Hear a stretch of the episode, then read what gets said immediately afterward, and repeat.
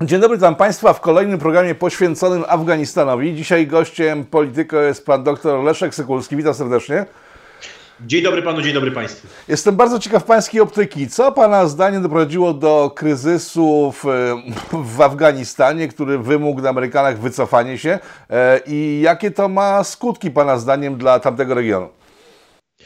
Myślę, że nie, warto spojrzeć na wycofanie się Amerykanów nie tylko przez pryzmat polityki Joe Bidena, ale w ogóle przez pryzmat polityki amerykańskiej ostatnich lat. Ja tylko przypomnę, że ta decyzja o wycofaniu wojsk amerykańskich z Afganistanu nie została podjęta w 2021 roku, tylko była przedmiotem licznych, y, bardzo długotrwałych negocjacji, których zwieńczeniem zresztą, które zwieńczenie obserwowaliśmy w lutym 2020 roku w Dosze, w stolicy Kataru, Doha, stolica Kataru i, i rzeczywiście wtedy podjęto decyzję o wycofaniu wojsk amerykańskich. Natomiast y, skala y, błędów popełnionych przy tym wycofywaniu y, i tempo, w jakim Amerykanie uciekają z Afganistanu oraz to tempo, w jakim talibowie szybko zajęli Afganistan i 15 sierpnia tego roku sam Kabul, rzeczywiście było zaskoczeniem dla bardzo wielu analityków, komentatorów, ale myślę także służb specjalnych wielu państw natowskich, czego zresztą wielu, mm, wielu ekspertów dawa, temu dawało wyraz. Jeżeli chodzi o te przyczyny, tych przyczyn jest kilka. Ja postaram się wymienić takie, tych kilka, moim zdaniem, najistotniejszych z punktu widzenia geopolitycznego. Po pierwsze, Amerykanie mm, przespali, mówiąc takim językiem potocznym, koniec pauzy strategicznej. Amerykanie y, przegapili moment, w którym Chińczycy y, zostali, można powiedzieć takim potocznym językiem, wpięci w globalny kapitalistyczny system, w global, można powiedzieć we współczesną globalizację. Y, Chińczycy przystąpili w 2001 roku do Światowej Organizacji Handlu i to był wielki skok tak naprawdę mm, cywilizacyjny dla Chińczyków w sensie rozwoju technologii, w sensie no, możliwości prawda, eksportu swoich towarów. Natomiast 2001 rok to oczywiście początek całej serii interwencji amerykańskich, począwszy od Afganistanu przez Irak, e, zaangażowanie w arabską wiosnę, oczywiście także zaangażowanie na, na Ukrainie i tak dalej, i tak dalej. Amerykanie cały czas, nie bacząc na skutki roku 2008, czyli na ten wielki kryzys finansowy na rynkach nieruchomości, ta pęknięta bańka, można tak powiedzieć, spekulacyjna na rynku nieruchomości, y, angażowali się i pełnili rolę takiego światowego żandarma. Y, w takim żargonie naukowym określamy, że, że pełnili rolę globalnego dystrybutora dóbr publicznych, no, w tym przypadku bezpieczeństwa. Bardzo często mówiło się, że Amerykanie są w stanie interweniować w dowolnej części świata, mają zdolność do projekcji siły, między innymi no, dzięki grupom lotniskowcowym, najsilniejszym na świecie, y, no i Y, na tym obszarze brzegowym Eurazji, y, nazywanym w geopolityce Rimlandem, są bardzo mocno y, usadowieni i kontrolują, kontrolują ten obszar brzegowy tak, aby ani główny rywal w okresie zimnej wojny, y, czy spadkobierca tego, y, tego rywala, czyli Federacja Rosyjska, wcześniej Związek Sowiecki, nie wyszedł na te ciepłe morza, co było oczywiście zawsze taką ideę fix rosyjskiej czy sowieckiej geopolityki, geostrategii, no czy też właśnie miały, miały powstrzymywać wszelkiego rodzaju zakusy takich państw jak Chińska Republika Ludowa. Natomiast ten moment został przespany i 2011 rok, kiedy Hillary Clinton, ówczesna sekretarz stanu, zaczęła właściwie bić na alarm i twierdzić, że, że Stanom Zjednoczonym potrzebne potrzebny jest wielki zwrot ku Azji, jest potrzebny ten słynny pivot na Pacyfik i skoncentrowaniu się na powstrzymywaniu Chin, no już wtedy było jasne, że Stany Zjednoczone nie mają czasu, nie mają też możliwości, nie mają pieniędzy, aby angażować się w takiej skali jak dotychczas i na Bliskim Wschodzie, i w krajach Magrebu, i, na, i w Sahelu, i w Europie Środkowej, i w Arktyce, e, i oczywiście w, w innych częściach Afryki, e, w, w Azji Środkowej. Trzeba skoncentrować się na Azji Wschodniej i na zachodnim Pacyfiku. I to jest jeden z tych fundamentalnych, ta fundamentalnych, jedna z fundamentalnych przyczyn geopolitycznych. Druga przyczyna, bardzo istotna, o której się w Polsce praktycznie w ogóle nie mówi, e, to jest kwestia przygotowywania się na wielką wojnę na Bliskim Wschodzie. Wschodzie. Mam na myśli przygotowania, które prowadzi Izrael do mm, wojny z Iranem. Y, warto dodać, że Amerykanie nie tylko wycofują się obecnie z Afganistanu, wycofali się już wcześniej z Azji Środkowej, między innymi bazy w, Afga w Uzbekistanie i w Kirgistanie zostały wypowiedziane Amerykanom, no ale generalnie gdyby Amerykanie chcieli, to myślę, że nie było problemów tam z negocjacjami. Y, Amerykanie także wycofują się z Iraku, o czym się już mniej mówi y, obecnie. Pamiętajmy, że Amerykanie wycofywa rozpoczęli wycofywanie z Syrii, bardzo mocno wycofują się w ogóle z Afryki, czego najlepszym dowodem była ostatnia y, rozmowa Lloyda Austina, emerytowanego generała, generała w, stanie spoczynku, który jest obecnie sekretarzem obrony Stanów Zjednoczonych, z panią minister obrony Republiki Francuskiej w sprawie właśnie wsparcia wywiadowczego dla, dla Francuzów, tak aby to Francuzi wzięli na siebie odpowiedzialność za wzrastające tendencje, można powiedzieć takie, mm, nie tendencje, no, wzrastający ruch terrorystyczny na obszarze Sahelu. No i rzeczywiście Francja podjęła takie kroki, mam na myśli ten szczyt y, słynny z grupy G5 Sahel, znaczy słynny oczywiście w tej części Afryki. W Polsce o tym się specjalnie nie mówi. I rzeczywiście Francja ma być tutaj takim, można powiedzieć, ma to instrumentarium, które pozwala na, na powstrzymywanie tych działań terrorystycznych, ponieważ Stany Zjednoczone nie są w stanie już dzisiaj brać na siebie odpowiedzialności e, w, w tej części Afryki, na obszarze Sahelu. I jeżeli chodzi o zagrożenie ze strony Iranu, to pamiętajmy, że Iran posiada ogromne, e, ogromny wprost arsenał, jeśli chodzi o broń rakietową, e, która mogłaby bez żadnego problemu zagrozić bazom amerykańskim rozsianym na całym obszarze właściwie tego, co Condoleezza Rice kiedyś nazwała większym Bliskim Wschodem, tak? Greater Middle East. Takie bardzo popularne stwierdzenie, które zresztą także propagował już nieżyjący Zbigniew Brzeziński. Chodziło o ten łuk takich państw od Marrakeszu do Bangladeszu, od Sahary Zachodniej przez właśnie cały Magreb, Bliski Wschód, aż przez Azję Środkową do Afganistanu. I tu, tutaj rzeczywiście Amerykanom na, na, tym zależało, aby zdestabilizować ten, ten łuk tych państw, czego najlepszym przykładem była no, już od końca 2010 roku tak zwana arabska wiosna. Zresztą, jeżeli patrzymy na dzisiejszą wojnę domową w Syrii, która rozpoczęła się w 2011 roku, no to widzimy skalę zniszczeń, skalę destrukcji, jaką ten plan większego Bliskiego Wschodu wywołał. No nie tak to miało wyglądać. To miało, wyglądać w taki sposób, aby Amerykanie zagwarantowali sobie między innymi bezproblemowe dostawy surowców energetycznych z Bliskiego Wschodu, aby zdestabilizować ten łuk, ale jednak pod kontrolą amerykańską, aby mieć instrument nacisku także na y, Unię Europejską, także na Federację Rosyjską. Y, już wtedy Mam na myśli przełom pierwszej i drugiej dekady XXI wieku. W specjalistycznych amerykańskich publikacjach można było przeczytać o koncepcji szarych stref, e, czyli to, co dzisiaj widzimy, presja migracyjna, to przecież nie jest nic nowego. Nie wymyślił tego Aleksandr Łukaszenka, e, tworząc z Białorusi tak naprawdę hub migracyjny obecnie. Natomiast e, to jest koncepcja szarych stref bardzo szeroko rozwijana w Stanach Zjednoczonych, obecnie także w rosyjskiej myśli wojskowej. Jeżeli pan redaktor będzie chciał, to oczywiście możemy porozmawiać bliżej na ten temat. I to jest. To, to to jest nieudana oczywiście ta, ta operacja. Dzisiaj ta groźba do, dosięgnięcia rakietami irańskimi odwetowymi mm, baz amerykańskich jest realna, natomiast warto podkreślić, że Izrael całkiem realnie bierze pod uwagę możliwość zastosowania broni jądrowej przeciwko Islamskiej Republice e, Iranu i Izrael od dłuższego czasu, naprawdę od długiego czasu przygotowuje się do walnego starcia na Bliskim Wschodzie z wykorzystaniem nowoczesnych technologii, z wykorzystaniem uderzeń wyprzedzających, uderzeń bezzałogowych, cyberuderzeń na, e, na Iran. Będzie to absolutnie jeżeli dojdzie do tej wojny, moim zdaniem dojdzie do wielkiej wojny na Bliskim Wschodzie, będzie to wojna nowej generacji, takiej, gdzie za, będą zastosowane e, takie metody prowadzenia walki, w tym y, oczywiście me, różnego rodzaju nowoczesny sprzęt, nowoczesne technologie, które dotychczas nie były y, użytkowane w przestrzeni walki. No i trzecia, trzecia sprawa, nie tyle geopolityczna, ale związana z cywilizacją i związana z tym, co czasami nazywamy walką informacyjną. Ja bym tutaj raczej powiedział o bezpieczeństwie cywilizacyjnym, czy nawet bezpieczeństwie kulturowym. To jest wielka porażka tej koncepcji Francisa Fukuyamy, czyli końca historii, ale tu nie chodzi o sam koniec historii. Chodzi o koncepcję, która znowu w żargonie naukowym nazywa się konwergencją cywilizacyjną. Chodzi o taki mechanizm, w którym mm, państwa niżej rozwinięte w sensie technologicznym będą przyjmowały wzorce państw wysoko rozwiniętych technologicznie, nie tylko jeśli chodzi o sprawy e, związane właśnie z technologią, ale także jeśli chodzi o obyczajowość, e, moralność publiczną, jeśli chodzi o system polityczny, e, warianty ustrojowe itd. Tak itd. Tak Chodziło o to, aby narzucić pozostałej części części świata w sposób oczywiście pokojowy tam, gdzie się da, a jeśli się nie da, no to poprzez zbrojny eksport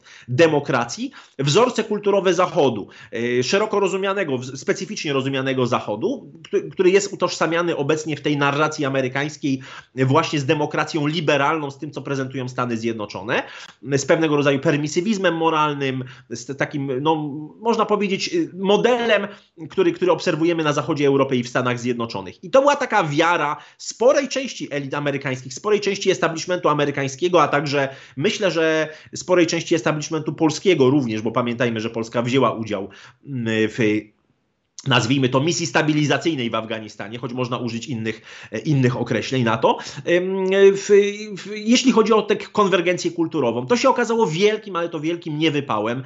E, swoją, moim zdaniem, aktualność e, jak najbardziej zaznacz, zaznaczył już pośmiertnie Felix Koneczny, profesor Felix Koneczny, który w swojej świetnej książce o wielości cywilizacji w 1935 roku bardzo dobitnie pokazał, czym jest zderzenie cywilizacji na długo, na długo przed przed, przed tym, jak Samuel Huntington rozwinął jego myśl, bo tak naprawdę to była pewnego rodzaju, no nie plagiat, ale za, zapożyczenie, pewna inspiracja. Pokazał, Felix Koneczny wyraźnie mówił, że nie można być cywilizowanym na dwa sposoby i że przewaga technologiczna wcale nie warunkuje przyjęcia wzorców moralnych, wzorców mm, kulturowych, y, tego, co nazywamy właśnie tym, tym, tą matrycą cywilizacyjną, ale w znaczeniu także duchowym, bo jakby Koneczny bardzo mocno tutaj y, podkreślał, że cywilizacja cywilizacja to nie tylko aspekt techniczny, tak jakby to chcieli Tofflerowie, prawda, że jest tylko cywilizacja agrarna, przemysłowa i e, informacyjna, ale to także bardzo istotny element duchowy, to także odniesienie do imponderabiliów, do, do, do, do, kwestii aksjologii, czyli do tych wartości wyższych, do e, wartości moralnych, do kwestii takich jak prawda, dobro, piękno, dobrobyt i tak dalej, i tak dalej. Tutaj nie będziemy robić wykładu z, z teorii cywilizacji Feliksa Konecznego, ale generalnie rzeczywiście te trzy czynniki, czyli ten czynnik związany z globalną rywalizacją amerykańsko-chińską jest czynnikiem kluczowym moim zdaniem. Druga kwestia to jest zbliżająca się wielka wojna z Islamską Republiką Iranu i trzeci czynnik, czyli ten czynnik cywilizacyjny. Wielka porażka koncepcji końca historii i tej konwergencji cywilizacyjnej cywilizacyjnej. Mhm. E, wspomniał Pan o Sahelu. O Sahelu w polityce rozmawialiśmy z Panem Janem Wójcikiem e, z Euroislamu. Jeżeli Państwo są zainteresowani tym tematem, to link znajdzie się e, poniżej dzisiejszego spotkania. Powiedział Pan o Chinach. Doktor Wojciech Szewko, kilka dni temu występując tutaj w Polityko, powiedział, że zadziwia go sytuacja, w której Amerykanie wycofują się, zostawiając, a czy odsłaniając de facto teren Chińczykom, bo to oni byli najbardziej zaniepokojeni tym, że Amerykanie byli tak blisko ich granic. Oddają też spokój Iranowi, który nie musi w tej chwili się niepokoić za bardzo, jeżeli chodzi o bazy, które mogły amerykańskie infiltrować ich teren. Jak pan ocenia tę sytuację? Ja myślę, że jeżeli chodzi o politykę chińską, y, to y, ten kurs, który prowadzi Wang Yi, obecny szef dyplomacji Chińskiej Republiki Ludowej, jest, jest kursem no, będącym pewną kontynuacją, możemy powiedzieć nawet tej kontynuacją mm, takich, takiego głównego wektoru, który nakreślił w polityce chińskiej Deng Xiaoping w końcu lat 70. Y, dzisiaj już oczywiście Chińczycy nie muszą tak bardzo kamuflować swoich zamiarów strategicznych, choć nadal mm, jest to taka bardzo, bardzo że tak powiem, zachowawcza polityka, jeśli chodzi o warstwę narracyjną, chociaż coraz częściej już w tej warstwie werbalnej jest to polityka e, bardzo, bardzo, bardzo antyamerykańska i tutaj jakby chińskie media się wcale z tym nie kryją. Natomiast Wang Yi mm, e, prezentuje bardzo pragmatyczną postawę, która cechuje w ogóle całą dyplomację chińską. Jeśli spojrzymy na dyplomację chińską w Afryce, to myślę, że to jest modelowy, wręcz podręcznikowy przykład, jak realizować politykę pragmatyczną, politykę realną, realpolitik, opartą na interesach, nie na kwestiach właśnie wartości, aksjologii, nie wysuwa się tego na pierwszy plan, tak jak to próbuje robić obecnie administracja mm, Joe Bidena. Natomiast y, rzeczywiście ta kwestia taniego kredytu i nawet pułapki, kredy, pułapki taniego kredytu, bo tak można nawet określić, dyplomacja pułapki taniego kredytu jest taką, e, można powiedzieć, bardzo ważną firmową, nawet tak firmowym znakiem e, polityki chińskiej. To, że Wang Yi już powiedział, już oświadczył, że Chińska Republika Ludowa uzna rządy talibów, to jest bardzo ważny sygnał. To znaczy, że Dzisiaj Pekin ma, y, moim zdaniem, taki zamiar, przy pomocy oczywiście, przy wsparciu Islamabadu, przy wsparciu Pakistanu, y, rozszerzyć swoje wpływy i włączyć Afganistan. Pytanie oczywiście w jakiej skali do chińskiego projektu jednego pasa, jednej drogi. To jest taki, można powiedzieć, idea fix de, y, Xi Jinpinga, przedstawiony jeszcze na jesieni 2013 roku. Myślę, że y, tutaj zarówno chińskie y, służby specjalne, jak i pakistańskie służby specjalne już są dawno w kontakcie z przedstawicielami talibów. Podobnie zresztą jak rosyjskie służby. Tutaj ten, ten szczyt, to zaproszenie zresztą talibów, delegacji talibów do, do Moskwy w lipcu tego roku też było znamienne. Jak sobie spojrzymy na te obrazki z Kabulu, kiedy jedna ambasada za drugą zachodnia tak naprawdę się pakowała, no to widzimy, że ambasada rosyjska i ambasada chińska pozostały na swoich miejscach, rozwijają te kontakty nie tylko dyplomatyczne, także handlowe. Myślę, że także służby specjalne obu państw mają kontakty ze zorganizowaną przestępczością. To nie jest jakaś żadna wielka tajemnica. Weźmy pod uwagę kwestię szlaków przemytniczych z Chin do, przez Azję Środkową, przez Federację Rosyjską i Białoruś, także przez południe Europy. To są bardzo istotne rzeczy, o których się mało mówi w polskich mediach. Natomiast te szlaki przemytnicze, bo to nie chodzi tylko o przemyt narkotyków. No pamiętamy, że y, Afganistan to jest absolutna potęga, jeśli chodzi o produkcję opium, także inny, no szeregu, że tak powiem, y, tutaj różnego rodzaju substancji odurzających. E, natomiast także jeżeli chodzi o przemyt ludzi, to jest bardzo ważny, ważny czynnik. Chińczycy prowadzą e, tutaj swoją grę na dwóch, można powiedzieć, frontach. Po pierwsze, starają się zabezpieczyć Xinjiang, czyli właśnie ten, tę swoją prowincję, która często jest traktowana jako taka zbuntowana prowincja, gdzie mamy do czynienia z dużą mniejszością muzułmańską. No, zresztą wiemy, jak wygląda polityka chińska wobec Ujgurów e, i to jest kwestia po prostu bezpieczeństwa wewnętrznego Chin. To jest kwestia bezpieczeństwa wewnętrznego Chin. Nie ma się co dziwić, że Chińczycy starają się stosować właśnie tę wysuniętą obecność y, już od pewnego czasu. Ja myślę, że takim przełomowym momentem było utworzenie chińskiej bazy wojskowej w Djibouti. No, to nie jest jedyny, jedyne państwo, które posiada tam wysuniętą bazę, ale to już pokazuje pewne aspiracje Chińczyków. Tutaj myślę, że to jest bardzo ważny czynnik. Przede wszystkim czynnik bezpieczeństwa wewnętrznego, osłonienia y, y, tych rejonów, które są szczególnie narażone na wszelkiego rodzaju, powiedzielibyśmy, taką radykalną propagandę. Chińczycy bardzo się obawiają radykalizacji radykalizacji środowisk islamskich e, na, na, swoje, na swoim terytorium. E, no i to jest nic innego jak po prostu wyjście naprzeciw tym problemom, próba dogadania się z talibami w tym, e, w, ty, w tym zakresie. Druga kwestia to jest oczywiście wejście w próżnię, którą zostawiają Amerykanie. Tutaj myślę, że takim modelowym z kolei przykładem jest zarówno Libia, jak i Syria. Myślę, że Syr, Syr, Syria i Libia w tej kolejności. Widzimy, że w te próżnie bezpieczeństwa bardzo szybko we, weszła Federacja Rosyjska, Islamska Republika Iranu. Także od pewnego czasu już Republika Turecka i myślę, że Libia jest tego absolutnie podręcznikowym przykładem, że starając się właśnie wysunięto, poprzez wysuniętą obecność także militarną i eksport bezpieczeństwa, bo to używa się też takiego określenia, yy, no realizować swoją politykę bezpieczeństwa. Więc to jest ta kluczowa kwestia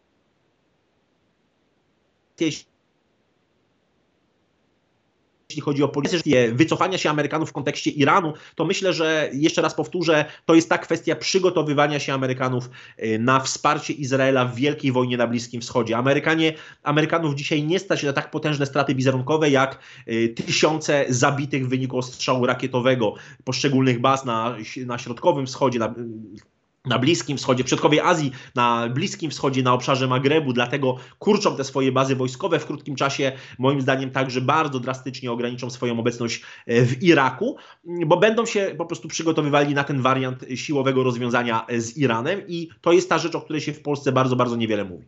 I co, te ruchy, które wykonują Amerykanie są czysto taktyczne w takim razie i należy brać ich jako e, okazywanie słabości, tylko jest to myślenie na przyszłość, tak? Myślę, że pogłoski o upadku Imperium Amerykańskiego są na razie zbyt przesadzone. Oczywiście mamy do czynienia z końcem pauzy strategicznej, natomiast przestrzegałbym przed już grzebaniem kolejnego imperium, składaniem tej trumny z napisem USA do grobu, mówiąc takim bardzo luźnym językiem. Myślę, że Stany Zjednoczone oczywiście są w pułapce Kindlebergera, to taki termin ukuty przez Josepha Naya, amerykańskiego geostratega, czyli w takiej sytuacji e, związania swoich sił w rywalizacji z wzrastającym hegemonem właśnie z Chińską Republiką Ludową. I e, ta pułapka polega na tym, że Stany Zjednoczone będą stosować politykę offshoringu bezpieczeństwa, czy też offshoringu polityki zagranicznej. Będą starały się realizować swoje interesy za pomocą państw Y, trzecich, za pomocą swoich sojuszników, y, czy to takich formalnych, czy takich luźniejszych, doraźnie współpracujących ze Stanami Zjednoczonymi, co oczywiście rodzi w tej pułapce Kindlebergera problem, że owi y, partnerzy, sojusznicy, czasami także wasale, czy też junior partnerzy, jak to się ładnie mówi, mogą doprowadzić do eskalacji napięcia i do, do, do wspięcia się na tej drabiny eskalacyjnej do poziomu, do przekroczyć do próg klasycznej, kinetycznej wojny.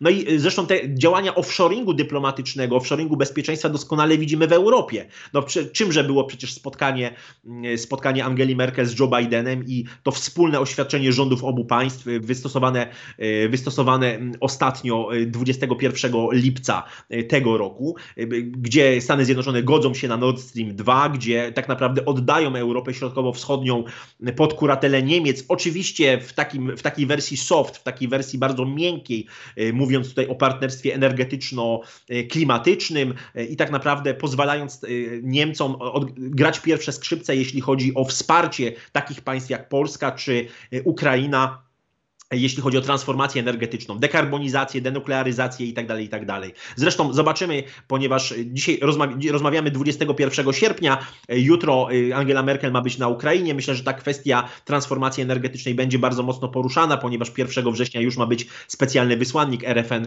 y, na Ukrainie w tej sprawie. Ale to widać, widać w jaki sposób na przykład Amerykanie wspierają Indię dyplomatycznie, Australię, Japonię, y, grupa Quad, prawda, starają się właśnie offshorować to bezpieczeństwo, starają się prze, przenosić te akcenty. Wspomniałem o Sahelu i roli Francji.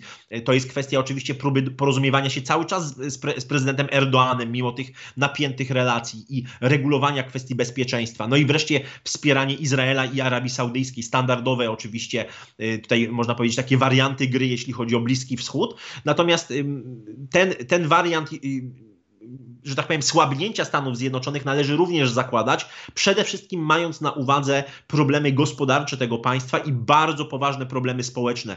Ja bym w żaden sposób nie lekceważył problemów cywilizacyjnych, z którymi zmagają się Stany Zjednoczone. Uważam, że jest to długofalowo y, czynnik, który prowadził do upadku imperiów i w przypadku Stanów Zjednoczonych bardzo mocno widać, ten wpływ obecnej ideologii, nazywanej czasami marksizmem kulturowym, na, na kondycję elit intelektualnych Stanów Zjednoczonych. Widać to bardzo dobrze po administracji y, Joe Bidena i to akcentowanie kwestii wartości w polityce zagranicznej y, oczywiście nie jest niczym nowym w, w, jakby w dyplomacji amerykańskiej, natomiast dzisiaj rzeczywiście utrata wiarygodności sojuszniczej przez Amerykanów, zarówno za, za prezydentury Trumpa, mam na myśli porzucenie Kurdów w Syrii, bo to było bardzo takie, moim zdaniem, dojmujące dla tej części świata, dla sojuszników amerykańskich, kiedy tak naprawdę Kurdowie zostali oddani na pastwę Turków, e, na, na, tutaj zostali tak naprawdę oddani można powiedzieć, jeżeli chodzi o strefy wpływów Republice Tureckiej. No tak samo tutaj widzimy, jeśli chodzi o Afganistan, ten, te,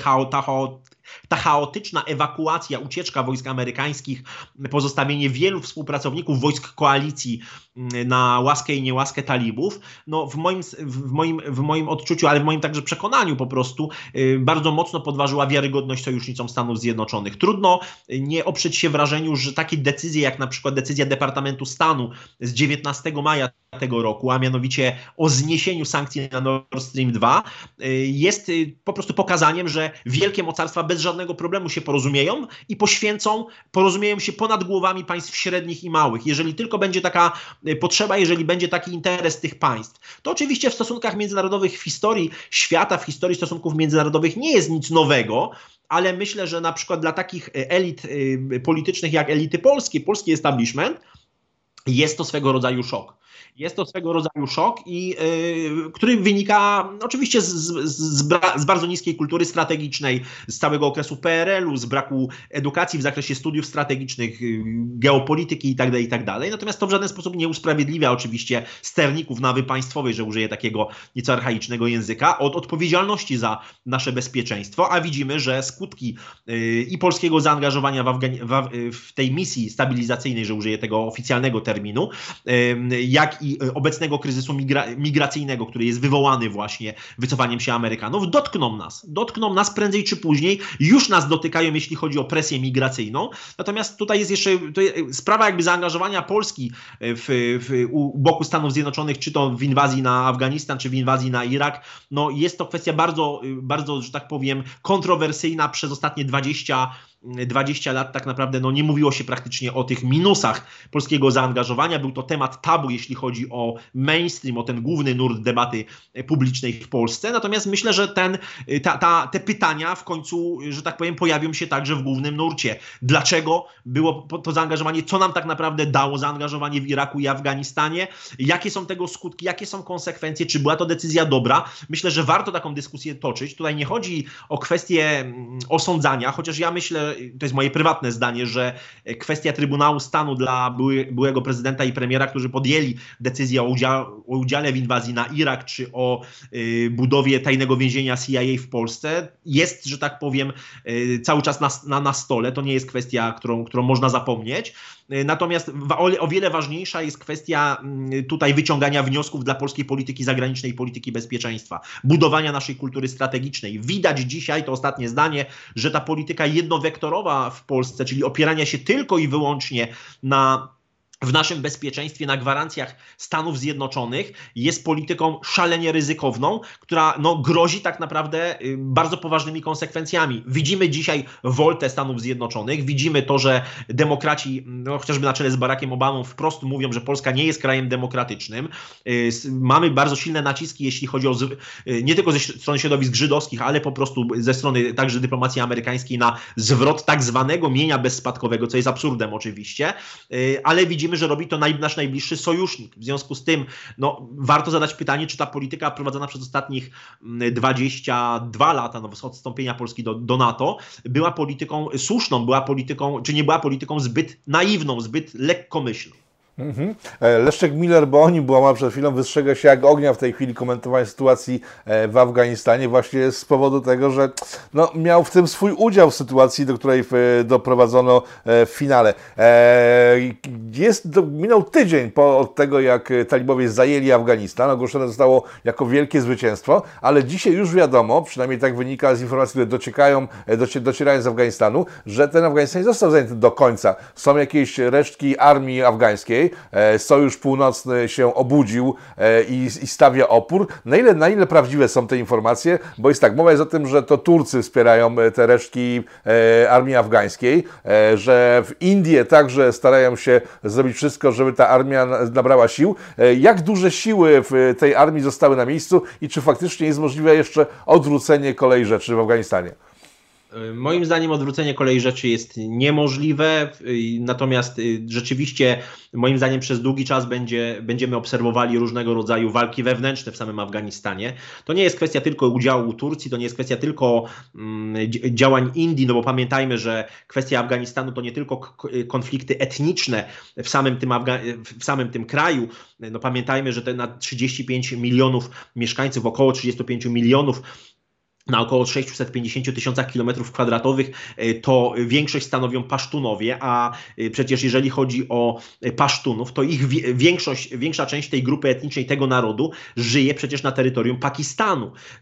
Ta linia, która rozgranicza Afganistan i Pakistan, ta granica, to przecież nie jest granica taką, jaką możemy sobie wyobrazić chociażby z pogranicza polsko-rosyjskiego, z obwodem kaliningradzkim, czy, czy polsko-białoruskiego. To jest granica bardzo umowna, nazywana linią Duranda, zresztą zresztą od czasów kolonialnych z Wielkiej Brytanii. Tutaj mm, Pakistan jest bardzo zaniepokojony y, tymi koncepcjami, które pojawiają się także wśród talibów y, wielkiego Pasztunistanu, czy w ogóle stworzenia Pasztunistanu jako jako, jako, jako kraju, e, czyli tak naprawdę przeniesienia części działań takich partyzanckich, działań dywersyjnych na terytorium Pakistanu. W związku z czym ta idea budowy płotu właśnie wzdłuż linii Duranda na ponad 2000 e, kilometrów. E, same Indie oczywiście toczą konflikt przecież i z Chińską Republiką Ludową, i z Pakistanem.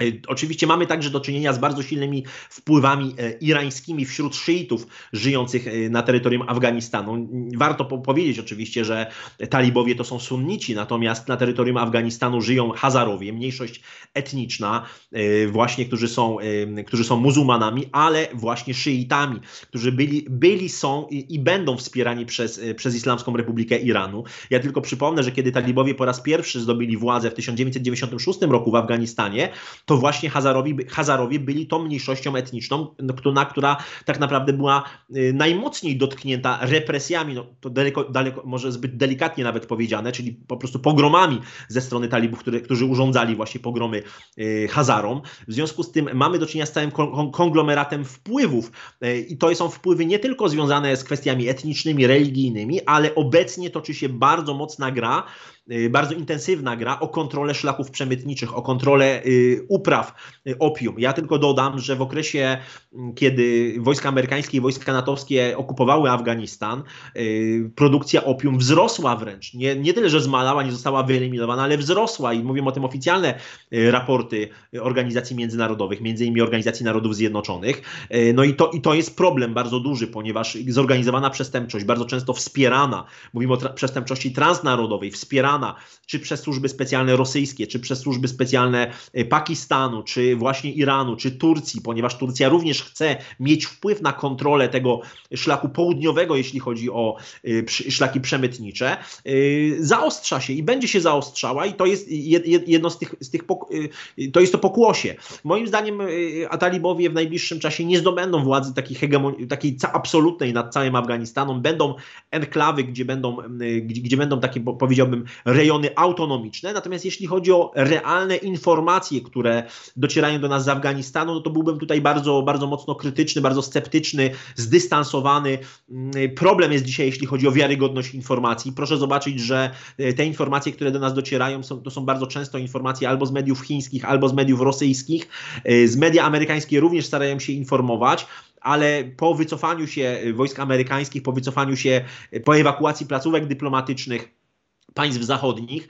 E, bardzo trudno o e, wiarygodne informacje, także ewakuacja dziennikarzy e, zachodnich, jakby podporządkowanie administracji państwowej dotychczas wiernej wojskom koalicji pod talibów. No, tak naprawdę skazuje nas na przekaz z jednej strony oficjalny ze strony rzecznika prasowego Talibanu, z drugiej strony na przekazy państw, które mają największe wpływy obecnie na terytorium Afganistanu, czyli mówimy oczywiście o Chinach, Pakistanie, mówimy o, o Rosji i w mniejszym stopniu innych państwach, a jak widzimy zresztą, jeżeli chodzi o Rosję. Rosja stara się wykorzystać ten czas do eksportu bezpieczeństwa yy, na terytorium byłych republik sowieckich. No te ostatnie manewry, chociażby jeśli chodzi o yy, Uzbekistan czy Tadżykistan, pokazują, że Rosjanie wcale nie mają zamiaru wycofywać się z Azji Środkowej, mają zamiar się tam umacniać. Jak należy podchodzić do deklaracji talibów? Oni wczoraj poinformowali, że zamierzają wyeliminować opium yy, z Afganistanu. To raczej jest też niemożliwe. Nie, no to oczywiście można y, potraktować jako pewnego rodzaju taką narrację dyplomatyczną. Pamiętajmy, że sprawa negocjacji z, z, państwami Zachodu wcale się nie zakończyła, tutaj Doha jako taka, można powiedzieć, stolica tych, tych negocjacji e, wcale, wcale nie straciła na znaczeniu. Myślę, że talibowie bardzo, bardzo dobrze rozumieją, e, czym jest e, pieniądz, czym jest kapitał, który posiadają, a tym najcenniejszym kapitałem, który niewątpliwie posiadają, to są właśnie plantacje opium, to są miliardowe interesy i e, kwestie negocjacji, czy to w Moskwie, czy, czy w Chinach, e, pokazują, że, że mają jak najbardziej, e, że, że mają bardzo wiele instrumentów w tym zakresie. Ja tylko jeszcze przypomnę, że na terytorium Afganistanu działa także tak zwane państwo islamskie i nie można tego absolutnie lekceważyć. To jest kwestia, ja myślę, że generalnie państwo islamskie jest o wiele silniejsze w Azji Środkowej, w tych dawnych republikach sowieckich niż w samym Afganistanie. To wynika jakby z pewnej, z pewnej mm, y, z pewnych różnic ideologicznych, ale już od pewnego czasu widzimy pasztunizację y, tej ideologii państwa islamskiego. To rzeczywiście bardzo ciekawy, y, ciekawy proces. Myślę, że tutaj, tutaj fachowcy od, od islamu powiedzieliby zdecydowanie więcej, jak to, jak to wygląda. Natomiast rzeczywiście to przystosowywanie się, taka no w cudzysłowie glokalizacja terroryzmu, na terytorium Afganistanu już zachodzi i rzeczywiście państwo islamskie również e, ma, ma, swoje istotne udziały, jeśli chodzi o ten przemysł narkotykowy, bo trzeba tak, tak to nazwać po prostu. Jest to przemysł narkotykowy e, i, i, będzie tutaj dochodziło do walk, będzie tutaj dochodziło do starć, moim zdaniem,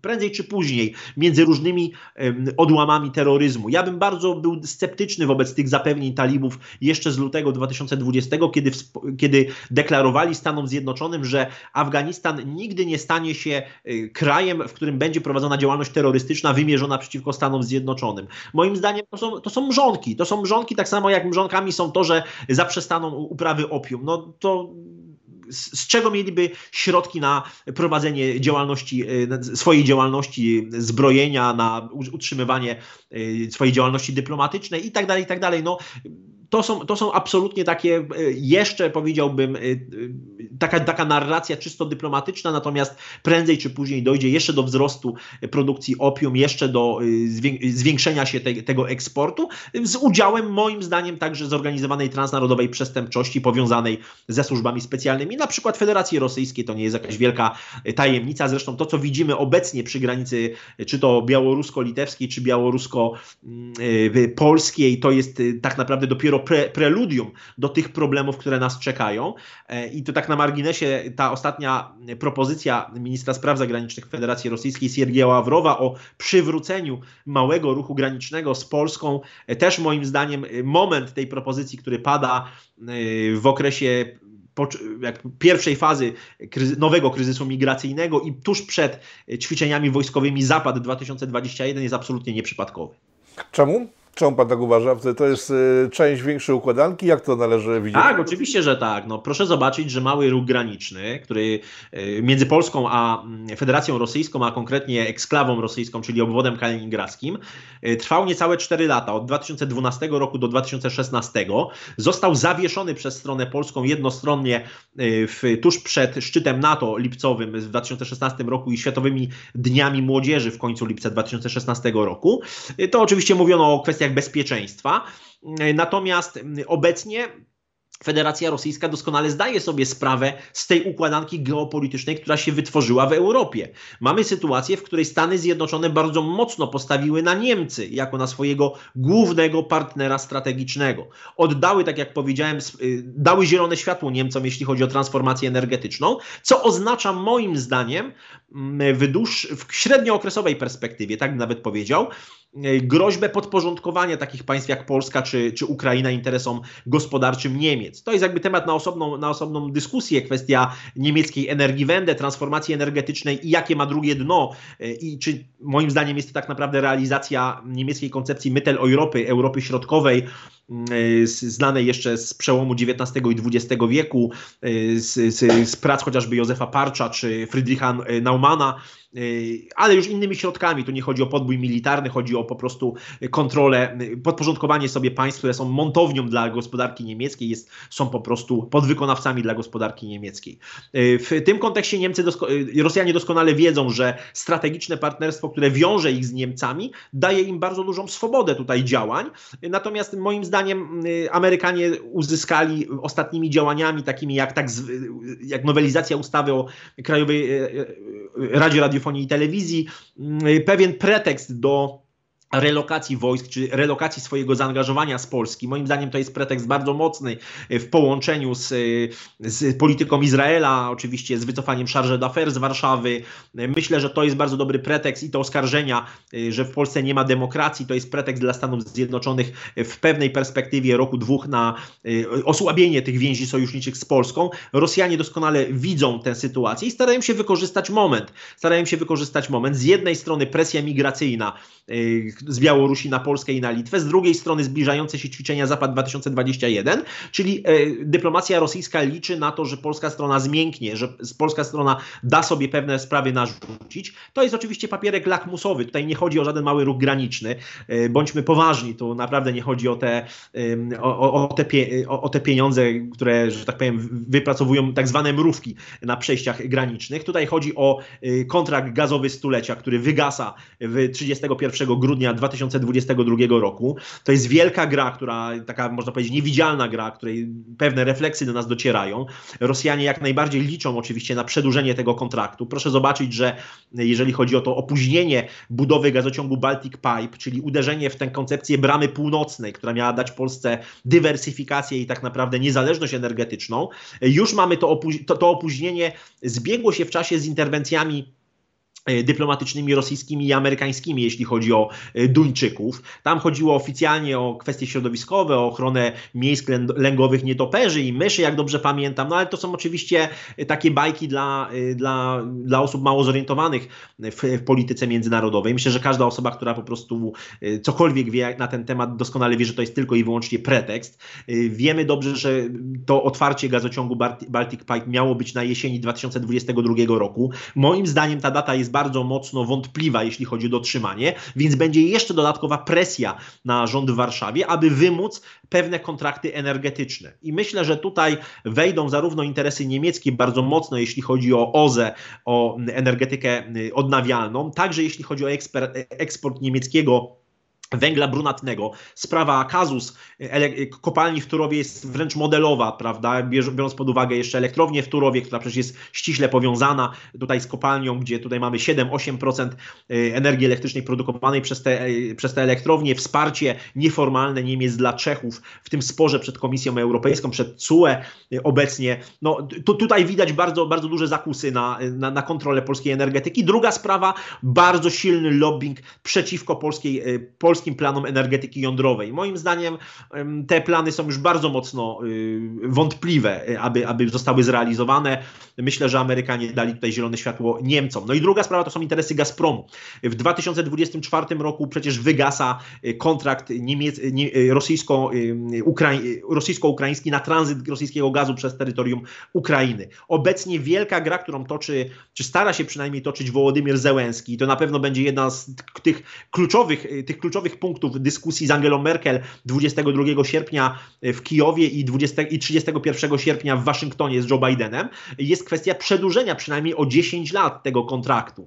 Ale widzimy już po wczorajszej wizycie 20 sierpnia Angeli Merkel w Moskwie, że nie ma żadnych gwarancji. Oczywiście Angela Merkel opowiedziała się za przedłużeniem tego kontraktu, ale w żaden sposób nie uzależniła na przykład uruchomienia napełnienia gazem i po prostu impo rozpoczęcia importu e, rosyjskiego gazu przez Nord Stream 2 od kwestii przedłużenia kontraktu z Ukrainą. W związku z tym Ukra Ukraina w każdej chwili po roku 2024 może zostać wyeliminowana e, z tranzytu rosyjskiego gazu. To także kolejny bardzo istotne uderzenie w interesy, w interesy w ogóle całego tutaj regionu. E, no i oczywiście element nacisku na Polskę. Myślę, że także w polityce wewnętrznej w Rzeczypospolitej bardzo mocno odczujemy zbliżający się ten tykający zegar y, końca grudnia 2022 roku. Tutaj będzie bardzo silny nacisk na Polskę, jeśli chodzi o przedłużenie kontraktu z Gazpromem, a sprawa importu węgla z Rosji pokazuje, że Rosja ma bardzo mocne argumenty i nawet w takiej bardzo silnej antyrosyjskiej retoryce,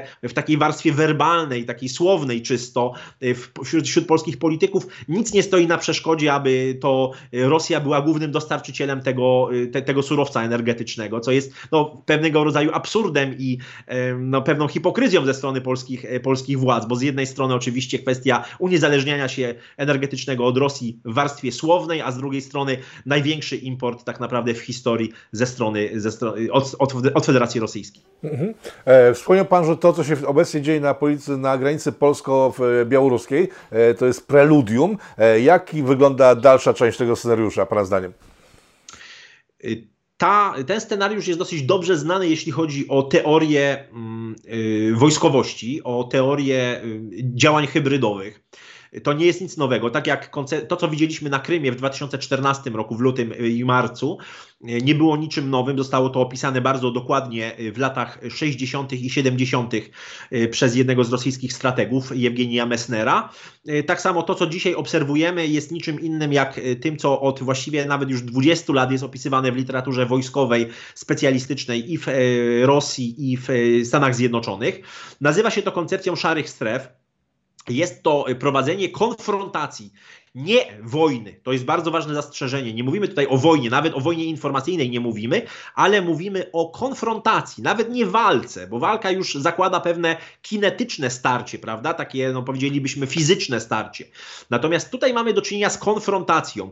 Nawet warto się odwołać do tej y, ostatnio podpisanej, y, przyjętej dekretem Władimira Putina strategii bezpieczeństwa narodowego Federacji Rosyjskiej z początku, y, z, z, z lipca 2021 roku, gdzie przecież nie pada w ogóle pojęcie wojny informacyjnej. Tam cały czas yy, strategzy rosyjscy mówią o konfrontacji. To jest bardzo ważna zmiana. To nie chodzi o niuanse. To jest ta zmiana semantyczna pociąga za sobą bardzo istotne kwestie w polityce realnej. Chodzi o to, aby przenieść poziom rywalizacji międzynarodowej z progu wojny na poziom zdecydowanie poniżej progu wojny, aby doprowadzić do pewnej dyfuzji, czyli do pewnego rozproszenia działań, y, tak aby one stały się nawet niewidzialne. W pewien sposób nie dostrzegamy tych, tych zależności, no bo proszę zobaczyć, od chwili kiedy Władimir Putin objął y, y, obowiązki prezydenta Federacji Rosyjskiej, czyli 31 grudnia 1999 roku, na, y, na Ukrainie mamy systematyczne poszerzanie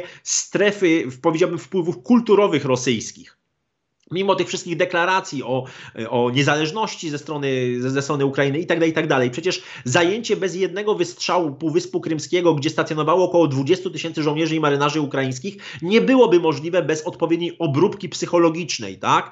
E, I dlatego to, co nazywamy walką informacyjną, stanowi bardzo ważny element współczesnej konfrontacji e, między, między państwami. Strategia szarych stref polega na tym, że prowadzi się taką konfrontację nie, e, poniżej progu wojny oczywiście, za pomocą środków niemilitarnych, przede wszystkim niemilitarnych.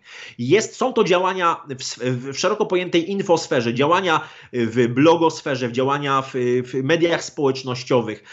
Mówi się tutaj o tak zwanym soc, socmincie, czyli właśnie o takim wywiadzie w mediach społecznościowych. Już nie o osincie, czyli nie o takim białym wywiadzie we źródłach otwartych, ale w ogóle wydziela się dzisiaj y, soc, y, socmint jako, jako specjalne działania wywiadowcze w mediach społecznościowych. To jest bardzo ważny, bardzo fantastyczny, w ogóle y, bardzo ciekawy rozdział, gdzie wykorzystuje się digital footprints, ślady cyfrowe, po, pozwala się modelować różnego rodzaju kampanie informacyjne. No myślę, że afera Cambridge Analytica doskonale pokazała, jak można stosować mikrotargeting polityczny i wpływać na decyzje wyborców, wpływać na sferę świadomości, na noosferę, na sferę mentalną społeczeństw i to się właśnie dzieje cały czas, jeśli chodzi o oddziaływanie. Druga sprawa to jest tworzenie, tworzenie takich enklaw, gdzie władza państwowa jest bardzo mocno osłabiona, bądź nawet mamy do czynienia z atrofią, z absolutnym rozkładem władzy państwowej. Wykorzystuje się tutaj zorganizowaną przestępczość, wykorzystuje się tutaj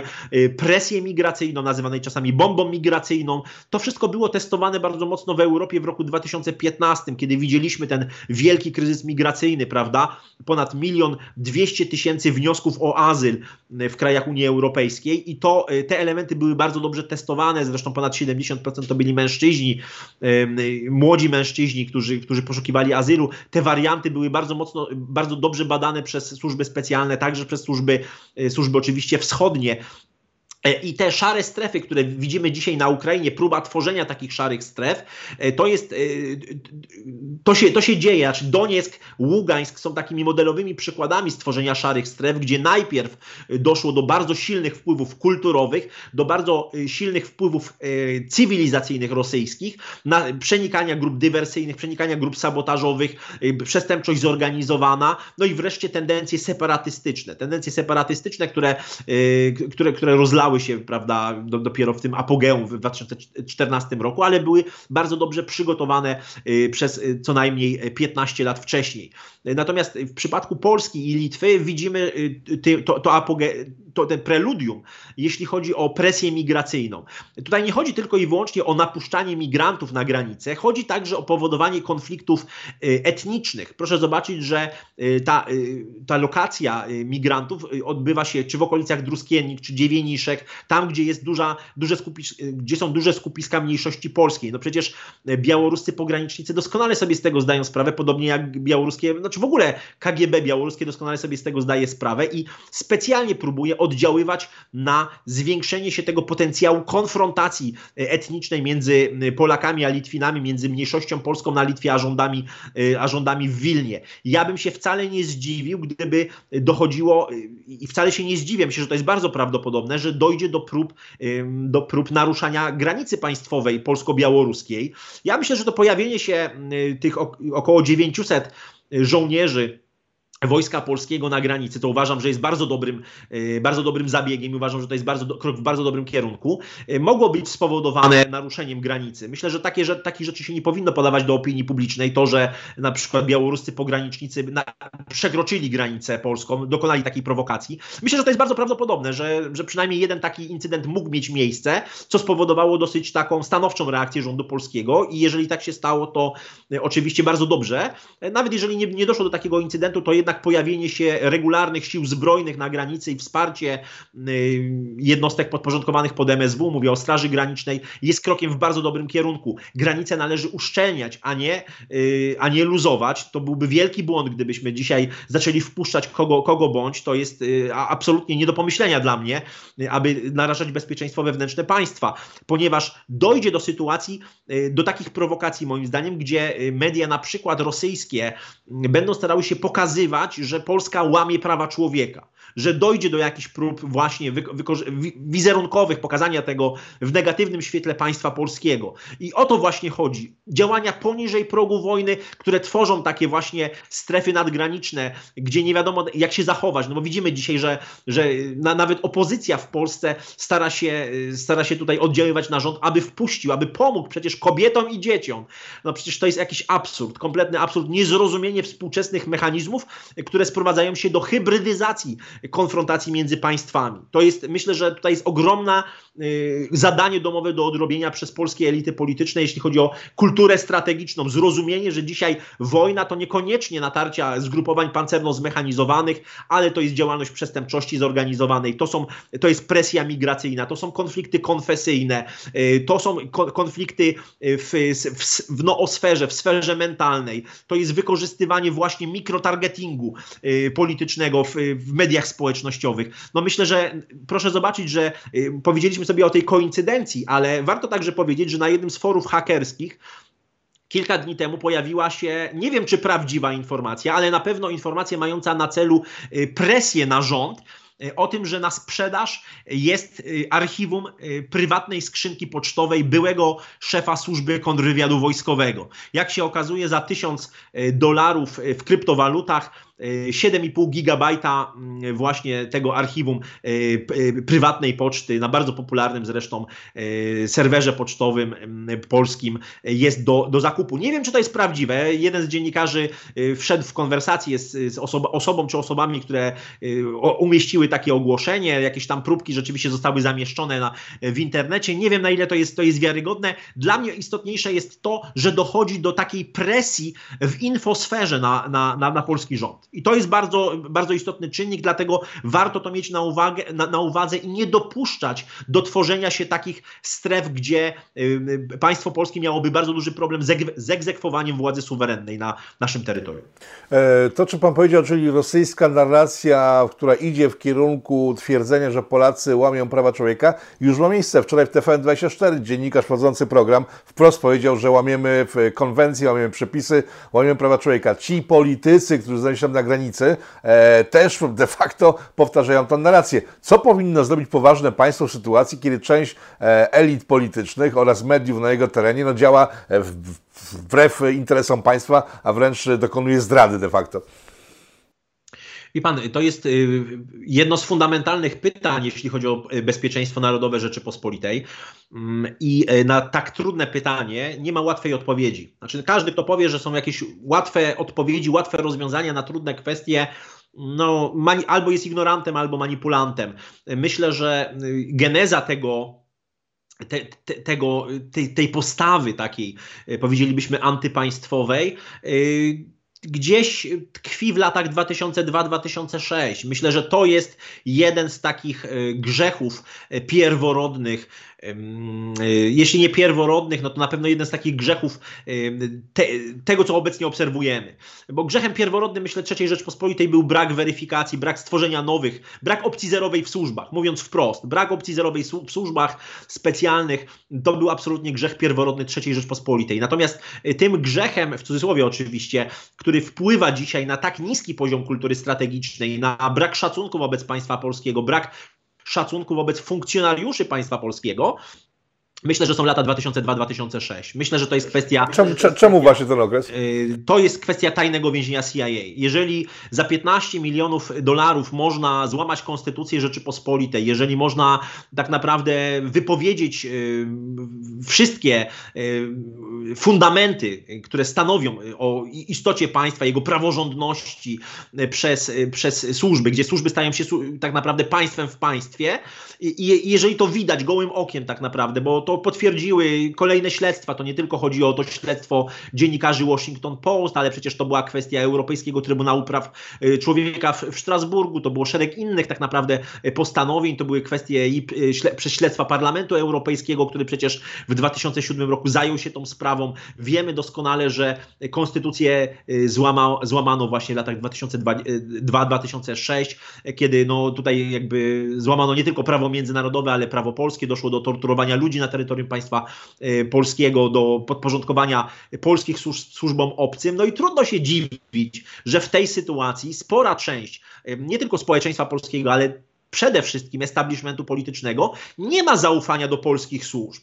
Ja tylko przypomnę te Światowe Dni Młodzieży, które były bardzo symptomatyczne, kiedy, spo, kiedy po, polscy politycy, czołowi politycy dostali specjalnie zabezpieczone telefony komórkowe od Agencji Bezpieczeństwa Wewnętrznego i ich po prostu nie używali ich po prostu nie używali, bo nie mieli zaufania do, do służby, która, no, która, która powinna cieszyć się po prostu zaufaniem społecznym. Ale jeżeli co róż trafiają do nas informacje, że jest wyciek współpracowników, czy to polskich służb wojskowych, czy agencji wywiadu, y, czy mamy do czynienia z sytuacją, w której tak naprawdę e, informacje o mieszkaniach służbowych funkcjonariuszy Agencji Bezpieczeństwa Wewnętrznego można uzyskać od spółdzielni mieszkaniowej w Warszawie. Wystarczy się powołać na e, po prostu ustawę o informacji e, publicznej. Zrobił to jeden z blogerów. Jeżeli w przetargu o dostawę energii elektrycznej wyciekają informacje na temat siedzib Agencji Bezpieczeństwa Wewnętrznego, których nie można sobie od tak znaleźć po prostu na stronie internetowej, no to można mieć tutaj bardzo poważne zastrzeżenia co do państwa polskiego. Natomiast ta sprawa sprawa tajnych więzień CIA moim zdaniem absolutnie wróci, ponieważ to jest ta kwestia i o tym się też nie mówi w mediach głównego nurtu, to jest kwestia